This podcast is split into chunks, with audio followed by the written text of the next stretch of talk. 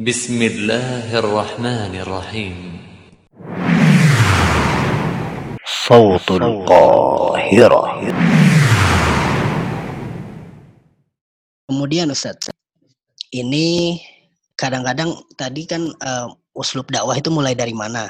Ya kan dan kita ini dari masyarakat secara umum. Tapi seringkali uh, kita bisa menghadapi masyarakat secara umum cuma kita kebingungan menghadapi keluarga sendiri Ustadz. Nah.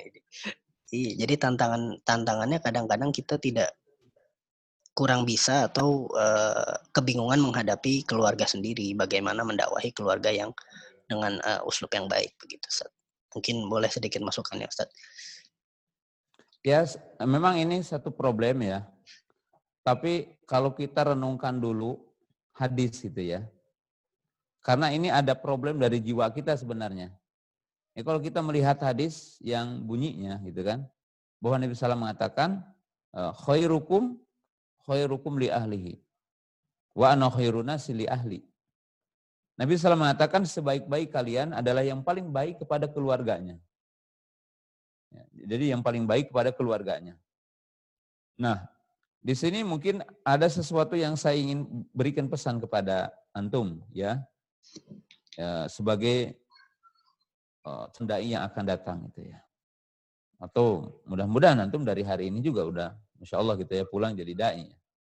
Ya. Tapi apa sih yang menjadi problem terkadang dengan pihak orang terdekat itu ditolak umpamanya bahasa gitunya ya. Tapi dengan pihak orang lain diterima gitu ya. Hmm. Nah di sini sebenarnya ada problem dari kepribadian kita gitu. Apa sih? Gitu.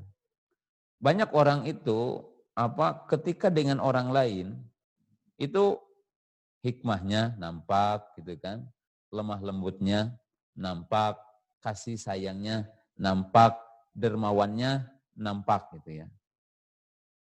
Maka ini biasanya orang yang seperti ini biasanya tasonuan itu dibuat-buat gitu.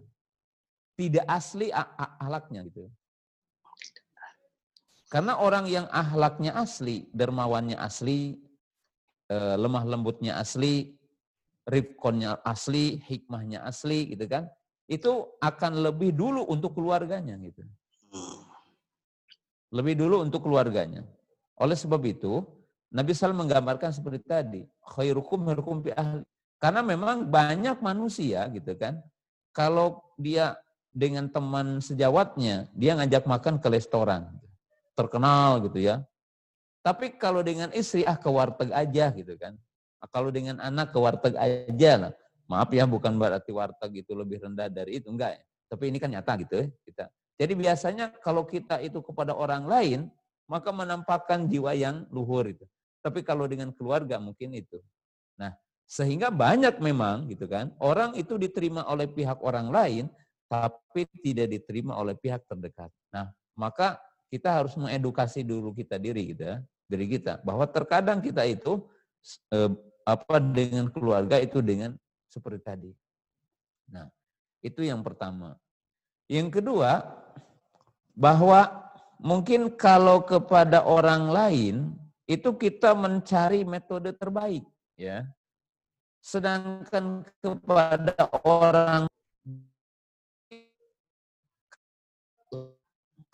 kakak ini, kak adi inilah gitu, mungkin togmol orang Sunda uh, istilahnya itu soroha roha. Memang benar gitu. Istilahnya kenceng gitu kan. Seolah-olah ya kalau antum jadi kakak lah kak ade ini gitu. Kata-katanya juga tidak dipilih yang mungkin yang menyenangkan gitu kan. Seolah-olah doktrin aja kan gitu.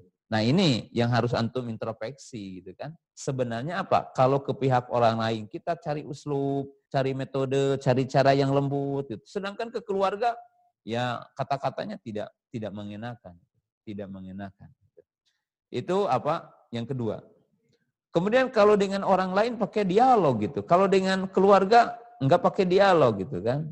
Mestinya dengan keluarga juga sama, apalagi ke ibu, apalagi ke bapak gitu kan, apalagi ke kakak. Itu harus ya dengan penuh adab juga dengan adik. Ya, kalau kita datang mungkin eh, datang kepada kakak ketika akan argumentasi ya kita bawa dulu makanan gitu kan sebelum kita menyampaikan hujah. Kalau kita punya hadiah, kasih hadiah dulu. Sehingga alhamdulillah ya ini eh, anak saya ini udah ke Mesir gitu atau adik saya ini udah ke Mesir, masya Allah udah ngaji, ahlaknya baik gitu. Nah ketika kita menyampaikan mungkin kak eh, boleh nggak saya saya itu neliti begini-begini gitu kan. Umpamanya antum mengetahui ya potong jenggot atau mungkin musik dan sebagainya. Ya, Kak, saya itu baca hadis maknanya begini. Ya, ya ancamnya begini gitu. Kan disampaikan dengan cara yang ini. Ya, artinya itu yang jadi problem. Yang jadi apa? Jadi problem. Ya. Tapi dari sisi lain juga ya kalau ditakdirkan orang udah menempuh sebab untuk sampainya hujah dengan adab, dengan hikmah, dengan penuh kasih sayang, tapi menolak, ya kita juga lihat ya dalam sejarah ada seorang nabi yang istrinya kafiroh gitu kan. Ada seorang wanita soleh yang suaminya kafiroh. Dan ada seorang nabi yang anaknya juga kafir. Jadi dalam sejarah juga ada gitu kalau seperti itu. Tapi tidak boleh dijadikan dalil oleh kita hari ini untuk lemah gitu dalam mendakwahi keluarga. Ya, jadi kalau antum mungkin baca ayat tentang suami istri ya, wa ashiruhunna bil ma'ruf. Kenapa ada ayat yang memerintahkan dan pergaulilah istri dengan cara yang baik? Nah ini menunjukkan juga bahwa tidak sedikit anak kurang baik dalam bergaul dengan orang tuanya. Tidak sedikit seorang adik tidak bergaul dengan cara baik dengan kakaknya. Demikian juga kakaknya ke adiknya gitu kan. Jadi biasanya kalau dengan lingkungan yang lebih dekat itu kurang memperhatikan tentang metode gitu. Wallahu taala Seperti mungkin beginilah. Banyak sekali orang tua yang mengatakan, kok anak saya kalau di sekolah itu taat sama gurunya gitu ya. Tapi kalau sama saya susah sekali. Nah yang jadi masalah itu kalau kita jadi bapak, jadi ibu, atau pulanah jadi ibu. Biasanya kalau, kalau menyuruh anak atau menegur anak itu tidak pakai metode gitu kan. Sedangkan hmm. gurunya memakai cara pendekatan-pendekatan yang hebat. Itu salah satu hmm. Allah Ta'ala. Yes. Ya, jadi intinya uh, metode tadi harus lebih diterapkan ke keluarga dulu, Ustaz ya. Ya, itu. Lebih didahulukan gitu. Prioritas itu metode yang terbaik kita yang kita punya yang kita pahami sebisa mungkin diprioritaskan untuk istilahnya mendakwahi keluarga atau menasihati keluarga gitu. Nah itu, jangan itu yang jadi jangan sampai ke orang itu. lain ke orang lain dengan metode kemudian ke keluarga sendiri malah seenaknya iya. gitu. Kemudian tadi Betul. juga poin terbesarnya ya intinya sih dengan akhlak juga ya.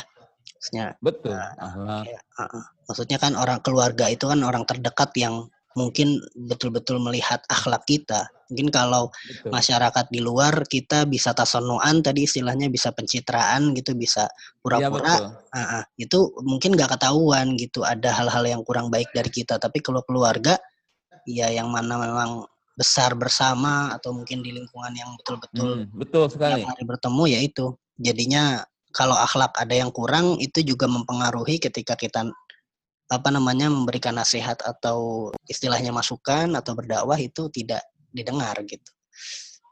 Ya Allah taala alam, masya Allah. Kemudian selanjutnya tentang tempat berdakwah atau tempat berkiprah. Ini misalnya kawan-kawan yang uh, menuntut ilmunya merantau, ya mungkin Ustadz juga dulu menuntut ilmunya merantau ya Ustadz.